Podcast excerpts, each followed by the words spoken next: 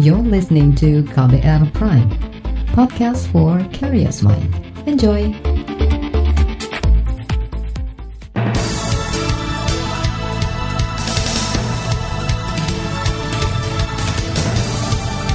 Selamat pagi saudara, senang sekali kami menjumpai Anda dalam program Buletin Pagi, edisi Jumat 4 September 2020.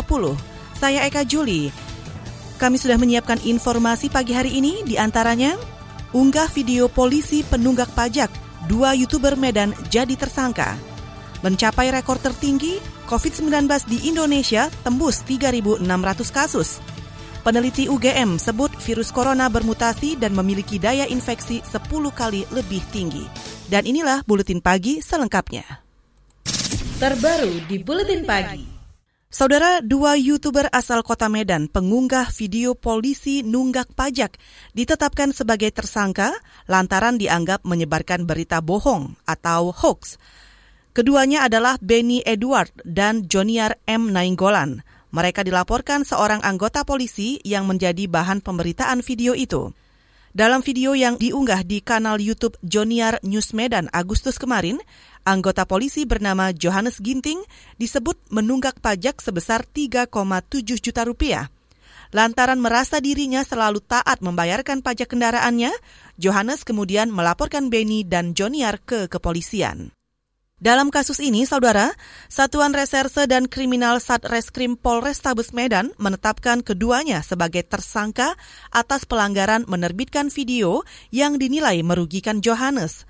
Kepala Satreskrim Polrestabes Medan, Martuasah Tobing, mengatakan mereka melanggar Undang-Undang ITE dan Undang-Undang Peraturan Hukum Pidana.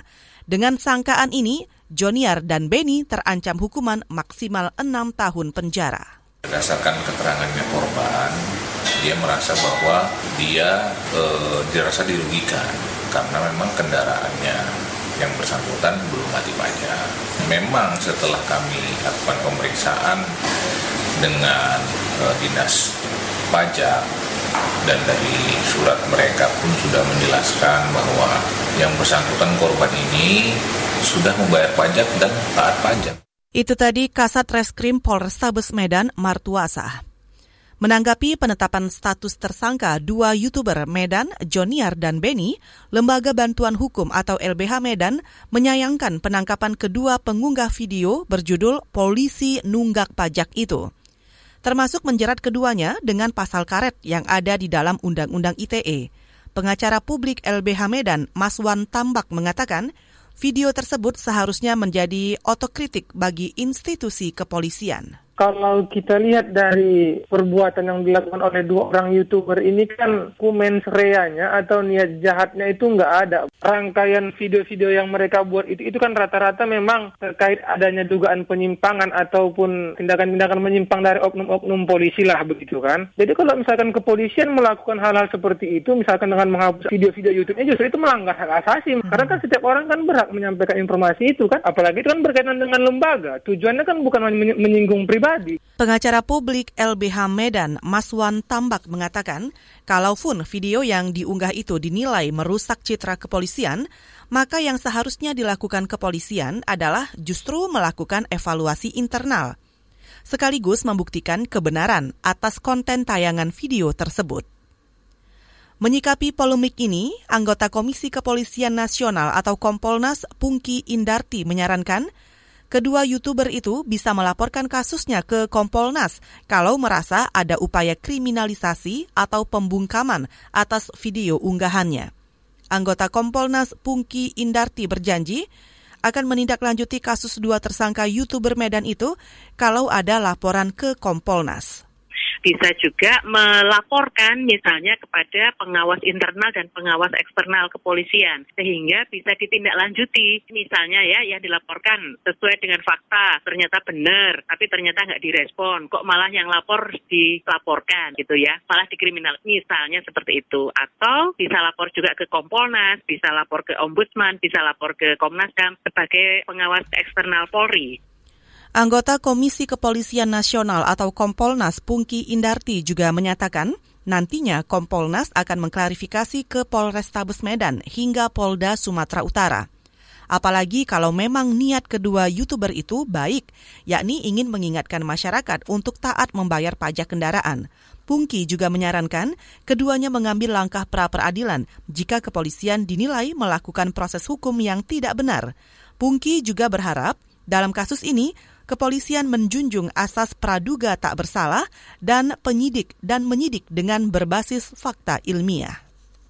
Saudara Direktur Lembaga Kebebasan Berekspresi ASEAN atau SafeNet, Damar Juniarto, mengatakan pemidanaan terhadap dua YouTuber Medan terlalu berlebihan. Ia menyebut penyangkaan pasal pencemaran nama baik melalui Undang-Undang ITE sangat tidak relevan. Damar mengingatkan faktor ketidaksengajaan dan tidak ada niatan seharusnya bisa dipertimbangkan secara lebih arif bijaksana oleh pelapor dan pemeriksa. Pemindanaan pada youtuber di Medan itu jelas-jelas keliru ya dan juga um, menggugah rasa keadilan. Uh, kelihatan sekali di sini bahwa youtuber di Medan itu tidak berada dalam posisi yang tepat bila disangkakan dengan undang-undang ITE. Pertama bahwa yang dilakukan adalah bagian pengawasan publik juga terhadap uh, bagaimana ada ketidakberesan di dalam masyarakat. Direktur Eksekutif SafeNet Damar Juniarto juga menambahkan, apa yang disampaikan oleh dua YouTuber Medan itu justru bagian dari proses koreksi yang dilakukan oleh masyarakat secara mandiri. Karena itu, pihak yang memperkarakan mestinya justru berterima kasih karena sudah diberi masukan tentang kewajiban dan keteladanan membayar pajak kendaraan. Kita ke mancanegara. Hari pertama sekolah tatap muka di Wuhan, China, diwarnai tangis bahagia para siswa kepada gurunya. Sebanyak hampir satu setengah juta siswa dari 2.800 lembaga pendidikan pekan ini memulai sekolah tatap muka di semester baru. Salah seorang orang tua siswa, Wei Van Ling, mengungkapkan sukacita karena putranya yang berusia 12 tahun mulai kembali sekolah. Tapi Wei tidak bisa menyembunyikan kecemasannya. Ia mengatakan, meski pandemi COVID di Wuhan sudah surut, tapi kewaspadaan tetap terus ditingkatkan. Semua lembaga pendidikan di Wuhan melakukan tindakan pencegahan khusus dengan anak-anak harus menjalani tes suhu secara teratur. Selain itu, para orang tua juga diingatkan untuk tidak menggunakan layanan transportasi umum. Para orang tua diharapkan mengantar sekolah putra-putrinya dengan kendaraan pribadi, termasuk skuter listrik. Saudara disinyalir ada Pemda simpan dana APBD di bank untuk diambil bunganya. Informasinya sesaat lagi, tetaplah di Buletin Pagi. You're listening to KBR Pride, podcast for curious mind. Enjoy!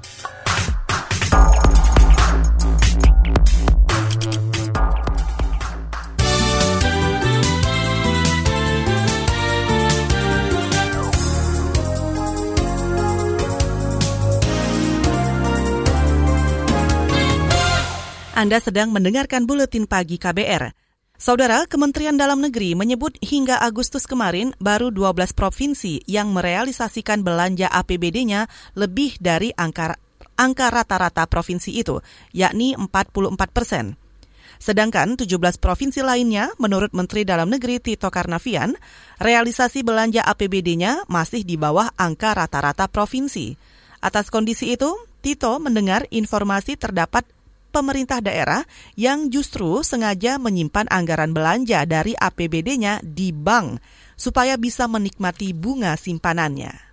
Ada disinyalir yang nggak bagus, tapi saya pikir ini hanya informasi saja mudah-mudahan tidak benar. Adanya beberapa daerah, pemerintah daerah yang menyimpan dananya di bank. Jadi bukan dibelanjakan di bank dan mengambil bunganya. Ini uangnya nggak akan beredar. Ya mungkin beredarnya nanti dipinjamkan kepada pihak tertentu. Apalagi mendapat fee, ya itu problem kasus nanti itu, penegak hukum. Mendagri Tito Karnavian juga mengingatkan seluruh pemerintah daerah bahwa September ini merupakan bulan terakhir kuartal 3. Berapapun angka pertumbuhan ekonomi nasional yang dicapai akan menentukan apakah Indonesia mengalami resesi atau tidak, sekaligus seberapa dalam resesi ekonomi itu. Oleh karenanya, sesuai instruksi Presiden Jokowi, ia mengingatkan pemerintah daerah untuk segera menggenjot pembelanjaan daerah menggunakan APBD. Saudara Indonesia diprediksi akan mengalami resesi yang sangat parah pada tahun ini. Peneliti ekonomi dari Indef Aryo Irhamna mengatakan, itu disebabkan karena pemerintah tidak serius menangani pandemi COVID-19. Terutama yang menjadi akar masalah pandemi adalah sektor kesehatannya. Sebaliknya, pemerintah malah fokus menangani dampak pandemi di sektor ekonomi. Apakah ada perkiraan jika Indonesia masuk resesi akan seberapa parah dibandingkan negara lain di tahun ini? Ya, menurut saya resesi di Indonesia ini akan sangat parah. Kenapa? Karena pemerintah tidak fokus dengan serius menangani COVID-19-nya, tapi justru lebih serius, ya, lebih serius dan lebih fokus untuk mengatasi dampak COVID-19-nya, yaitu ekonomi. Itu tadi peneliti ekonomi dari Indef, Aryo Irhamna. Sementara itu, Direktur Eksekutif Indef, Tauhid Ahmad, meragukan tercapainya proyeksi pemerintah terhadap pertumbuhan ekonomi nasional tahun depan. Sebelumnya, di tengah ketidakpastian kapan pandemi COVID akan berakhir, Menteri Keuangan Sri Mulyani memprediksi pertumbuhan ekonomi nasional tahun depan berkisar 4,5 hingga 5,5 persen. Sedangkan Tauhid memperkirakan pertumbuhan tahun depan antara 3,5 sampai 3,7 persen saja. Saudara Satgas Penanganan COVID mencatat adanya peningkatan keterpakaian tempat tidur isolasi dalam beberapa bulan terakhir. Juru bicara Satgas Penanganan COVID Wiku Adhisa Smito mengatakan persentase keterpakaian tempat tidur paling banyak terjadi di DKI Jakarta, Bali, Jawa Tengah, dan Kalimantan Selatan. Keterpakaian tempat tidur isolasi yang paling tinggi sampai saat ini ada di Provinsi Bali, kemudian DKI Jakarta, Kalimantan Timur, dan Jawa Tengah. Sedangkan persentase keterpakaian ICU dengan pasien yang dirawat per provinsi paling banyak ada di Provinsi DKI Jakarta, kemudian Nusa Tenggara Barat, selanjutnya Papua, dan Kalimantan Selatan. Juru bicara Satgas Penanganan COVID-19 Wiku Adhisa Smito juga menambahkan, demi menekan tingginya persentase keterpakaian itu, Satgas COVID bersama Kementerian Kesehatan dan Persatuan Rumah Sakit seluruh Indonesia mendorong redistribusi pasien ia juga mendorong agar pasien kasus ringan dan sedang dapat dipindahkan ke lokasi karantina terpusat, seperti Rumah Sakit Darurat Wisma Atlet Kemayoran. Sementara itu, saudara, jumlah kasus positif COVID-19 kemarin bertambah 3.600-an kasus.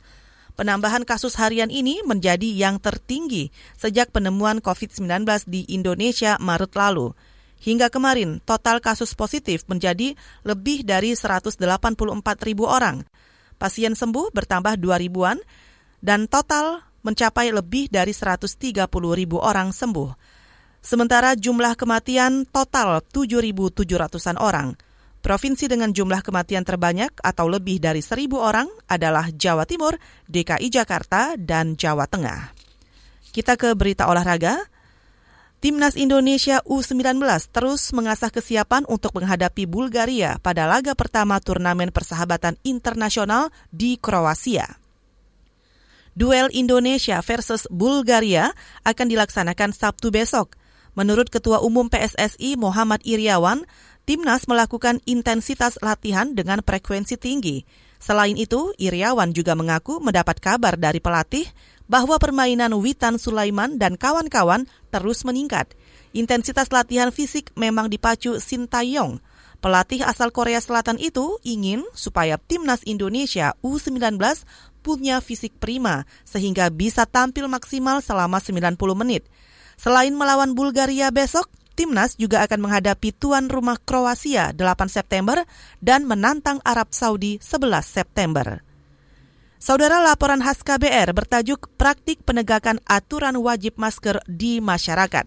Sesaat lagi tetaplah di Buletin Pagi. You're listening to KBR Pride, podcast for curious mind. Enjoy!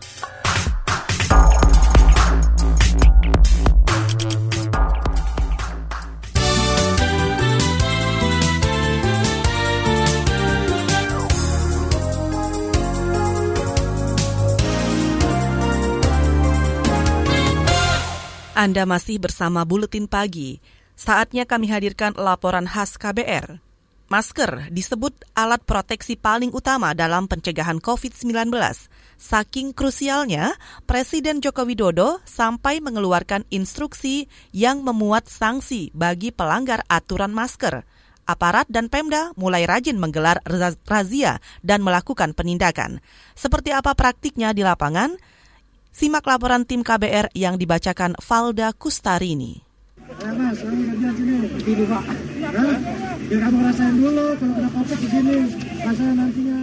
Ini adalah cuplikan video viral tentang warga di Pasar Rebo, Jakarta Timur yang terciduk aparat karena tak mengenakan masker. Bentuk hukumannya unik, mereka disuruh masuk ke peti mati dan berbaring selama beberapa menit. Mereka diminta merenung dan membayangkan diri terbujur kaku sebagai jenazah pasien COVID-19. Itu sampai 100, 1 sampai 100. bersuara, apa-apa. Ini merupakan salah satu cara pemerintah menegakkan aturan tentang kewajiban memakai masker. Payung hukumnya langsung dari instruksi Presiden yang memuat sanksi bagi pelanggarnya berupa mulai dari teguran, kerja sosial, denda, hingga penutupan sementara tempat usaha. Salah satu yang pernah merasakan sanksi kerja sosial adalah Kai, seorang karyawan swasta di Menteng, Jakarta Pusat. Awal Agustus lalu, ia dihentikan aparat saat berkendara di Jalan Raya Bogor karena tak memakai masker tiba-tiba ada kayak razia polisi gitu tapi ternyata bukan razia SIM STNK tapi razia masker nah karena posisi saya waktu itu nggak pakai masker karena kelupaan ya udah akhirnya minggir nah pada saat saya minggir kayak pertama kayak di persuasif dulu terus dikasih tahu kalau ternyata sekarang tidak menggunakan masker itu salah satu bentuk pelanggaran Kai disuruh memilih bentuk hukuman yang harus ia jalankan. Opsinya antara menyapu jalan atau membayar denda. Kai memilih yang pertama ada beberapa pilihan. Jadi bayar sanksi administratif sejumlah uang atau kayak kerja sosial gitu menyapu. Ya udah akhirnya saya pilih kerja sosial aja daripada saya harus mengeluarkan uang kan? Ya jadi waktu itu disuruh pakai rompi warna orange gitu ya udah nyapu di sekitaran lokasi. Nggak lama sih paling sekitar 5 sampai 10 menit aja. Meski sanksinya tergolong ringan, Kai mengaku jerah dan kini tak pernah lagi lupa mengenakan masker. Kalau ditanya efektif atau tidak efektif itu relatif ya, kembali ke pribadi masing-masing. Tapi kalau saya sih dengan apa yang saya alami, saya agak cukup kapok dengan apa yang sudah saya lakukan, sanksi sosial tersebut. Jadi itu membuat saya sekarang kalau mau ke mana-mana pasti saya ingat dulu masker nomor satu. Sementara itu, Sanksi denda dialami putra Ismail Fahmi, pengamat media sosial sekaligus pendiri Drone Emprit. Ismail mengisahkan, anaknya harus membayar Rp250.000 karena tak memakai masker saat mengendarai mobil di Jakarta Selatan. Jadi ceritanya dari rumah itu dia ngantar ibunya ke rumah sakit RSUD. Ibunya kan dokter spesialis, duduk di belakang. Di kafe satu, habis lewat perempatan timbul kan terus tuh ada enam pom bensin, ada lagi pom bensin satunya lagi. Belum pom bensin satu lagi itulah itu ada razia. Ada dua pilihan ditanyain dan karena nggak ada waktu kan tundanya juga bisa telat nantinya. Ya, akhirnya kan dia pilih untuk bayar kan. Ismail sama sekali tak protes maupun membela anaknya yang terkena hukuman. Menurutnya, Aturan memang harus ditegakkan, apalagi usai didenda, anaknya kini lebih disiplin mematuhi protokol kesehatan dia udah gede, SMA udah lulus, dia udah tahu apa yang dilakuin. Dan saya perhatikan dia otomatis pernah uh, setiap kali mau keluar gitu langsung ingat lagi oh ya masker gitu, diingat sendiri. Gak perlu diceramahin, gak perlu diingetin kan, dia kena konsekuensi sendiri. Nanti kalau seadanya tuh kamu bawa uang, kalau enggak kamu harus ini kan, harus kerja sosial beresin ya. Ismail mendukung razia masker lebih digalakan. Hal ini diyakini bakal meningkatkan kesadaran masyarakat tentang pentingnya peran masker dalam mencegah COVID-19. Jadi dia sering melihat ada razia, kemudian dia akan ingat. Karena kalau dia lihat kok nggak pernah ada razia, katanya ada aturan. Nah ini yang membuat masyarakat kita merasa kayaknya kondisi aman-aman aja deh gitu. Kondisi baik-baik aja. Kenapa pemerintah kok bilang ada COVID kayak tapi kok santai-santai saja gitu ya. Kok tidak ada penegakan. Nah ini dampaknya malah negatif ya buat masyarakat. Ia juga meminta aparat tegas dalam menegakkan aturan. Inkonsistensi dalam menindak akan sulit menimbulkan efek jerah yang namanya aturan itu harus ada penindakan. Aturan itu harus ditegakkan saat ada punishment. Kalau nggak ada punishment bukan aturan itu namanya. Jadi yang yang penting juga sekarang itu adalah penegakannya. Jadi petugas itu harus lebih rajin menurut saya itu. Aturannya sudah ada lah tinggal jalanin aja gitu. Dan masyarakat kalau nunggu mereka misalnya sadar sendiri, saya kira itu bukan hanya di tempat kita, di tempat lain pun juga. Cenderungannya pengennya ya melanggar. Terus makanya apalagi di Indonesia yang kita tidak terbiasa menggunakan masker, penegakan hukum itu harus harus tegas gitu. Toh ada dua pilihan pilihan kan, mau membayar atau kerja sosial. Ya, intinya kan yang penting kan ada efek jerah. Demikian laporan tim KBR, saya Valda Kustarini. Selanjutnya kami hadirkan informasi dari daerah. Tetaplah di Buletin Pagi. You're listening to KBR Pride, podcast for curious mind. Enjoy!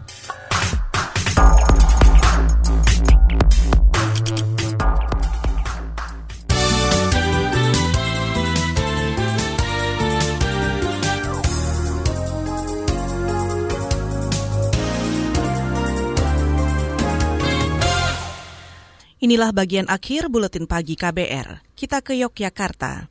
Para peneliti di kelompok kerja genetik Universitas Gajah Mada menemukan mutasi virus SARS, maksud kami virus SARS-CoV-2 penyebab COVID-19. Ketua Pokja Genetik Fakultas Kedokteran UGM, Gunadi, mengatakan, mutasi virus ini memiliki daya infeksi 10 kali lebih tinggi dari virus aslinya – Meski begitu, Gunadi mengatakan belum ada bukti bahwa mutasi virus itu menjadi lebih parah bagi manusia. Meskipun mutasi ini dikatakan pada penelitian in vitro, pada sel itu dikatakan lebih infeksius 10 kali, dan pada pasien yang diteliti di Inggris itu terbukti bahwa dengan adanya mutasi ini, dia jumlah virusnya lebih banyak, kalau istilah medisnya viral load-nya lebih tinggi, tetapi sekali lagi pada penelitian yang sama, itu di pada sekitar 1000 pasien di Inggris itu tidak terbukti adanya uh, berpengaruh terhadap derajat keparahan. Ketua Kelompok Kerja Genetik dari Fakultas Kedokteran UGM Gunadi juga menambahkan, dari ribuan sampel yang dikumpulkan, ada empat sampel yang mengandung mutasi virus dengan varian D614G. Menurut Gunadi, mutasi virus varian itu tersebar di seluruh dunia. Selain varian baru itu, peneliti lain di Universitas Airlangga Surabaya juga menemukan mutasi virus dengan varian lain, yakni G677H di Jawa Timur. Kita ke Jawa Barat. Gubernur Ridwan Kamil menyatakan Kabupaten Bandung menjadi daerah dengan kasus terbanyak pelanggaran protokol kesehatan COVID-19. Kata dia, terdapat 590-an ribu kasus pelanggaran protokol kesehatan. Menurut Ridwan, mayoritas pelanggaran terjadi di Kabupaten Bandung. Saya agak kaget juga ya, karena satu kabupaten mendominasi pelanggaran me ke seluruh Jawa Barat. Jadi mohon diberitakan, dievaluasi juga oleh media uh, terkait masyarakat di Kabupaten Bandung yang menyumbang uh, pelanggaran pribadi terbesar. Gubernur Jawa Barat Ridwan Kamil menilai hal itu sebanding dengan peningkatan jumlah kasus positif paparan COVID-19 di seluruh Jawa Barat. Ridwan juga menyebut kapasitas di ruangan isolasi rumah sakit sekarang berada di angka 40 persenan, yang tadinya stabil di angka 30 persen. Saat ini total lebih dari 11.400-an orang positif COVID-19 di Jawa Barat, 6.000 lebih sembuh dan 276 meninggal. Kita ke Kalimantan Timur, Pemerintah Kota Balikpapan bersiaga menghadapi ancaman resesi ekonomi yang akan menimpa Indonesia apabila pada kuartal 3 pertumbuhan ekonomi kembali minus akibat pandemi. Wali Kota Balikpapan Rizal Effendi memperkirakan sektor pendapatan akan paling terkena dampaknya. Kata dia, APBD dipastikan akan makin tergerus dan defisit, sebab selama ini pemerintah Balikpapan sangat bergantung pada dana bagi hasil dari pemerintah pusat dan pemerintah provinsi Kaltim yang nilainya mencapai 1 triliun rupiah. Saudara, informasi tadi menutup jumpa kita di Buletin Pagi hari ini. Pantau terus informasi terbaru melalui kabar baru, website kbr.id, Twitter at Berita KBR, dan podcast di kbrprime.id. Saya Eka Juli bersama tim yang bertugas undur diri. Salam.